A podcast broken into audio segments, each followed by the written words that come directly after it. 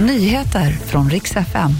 Elpriserna väntas sjunka, Ringhals 4 har återstartats och så ska det handla om legendariska rockgruppen som ska göra en ABBA.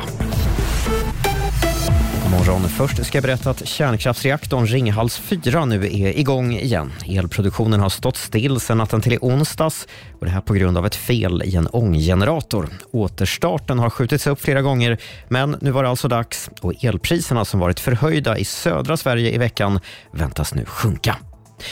Sverige vann igår kväll även sin andra match i hemma-VM i handboll. Igår var det Senegal som stod för motståndet och slutsiffrorna blev 26-18.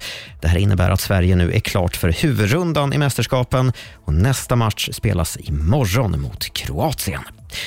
Sist ska det handla om Kiss, rockgruppen som nu gör en ABBA och förvandlar sig själva till avatarer. På den kommande turnén ska sista låten framföras av digitala kopior av bandmedlemmarna och ska på så vis symbolisera bandets kliv tillbaka som fysisk grupp och markera en ny digital start, som det heter. Vi kan bli unga för alltid, kommenterar Gene Simmons det hela i ett pressmeddelande. Och alltihop är ett samarbete med det svenska bolaget Pophouse som ligger bakom Abbas liknande satsning. Och det var de senaste nyheterna. Jag heter Robin Kalmegård.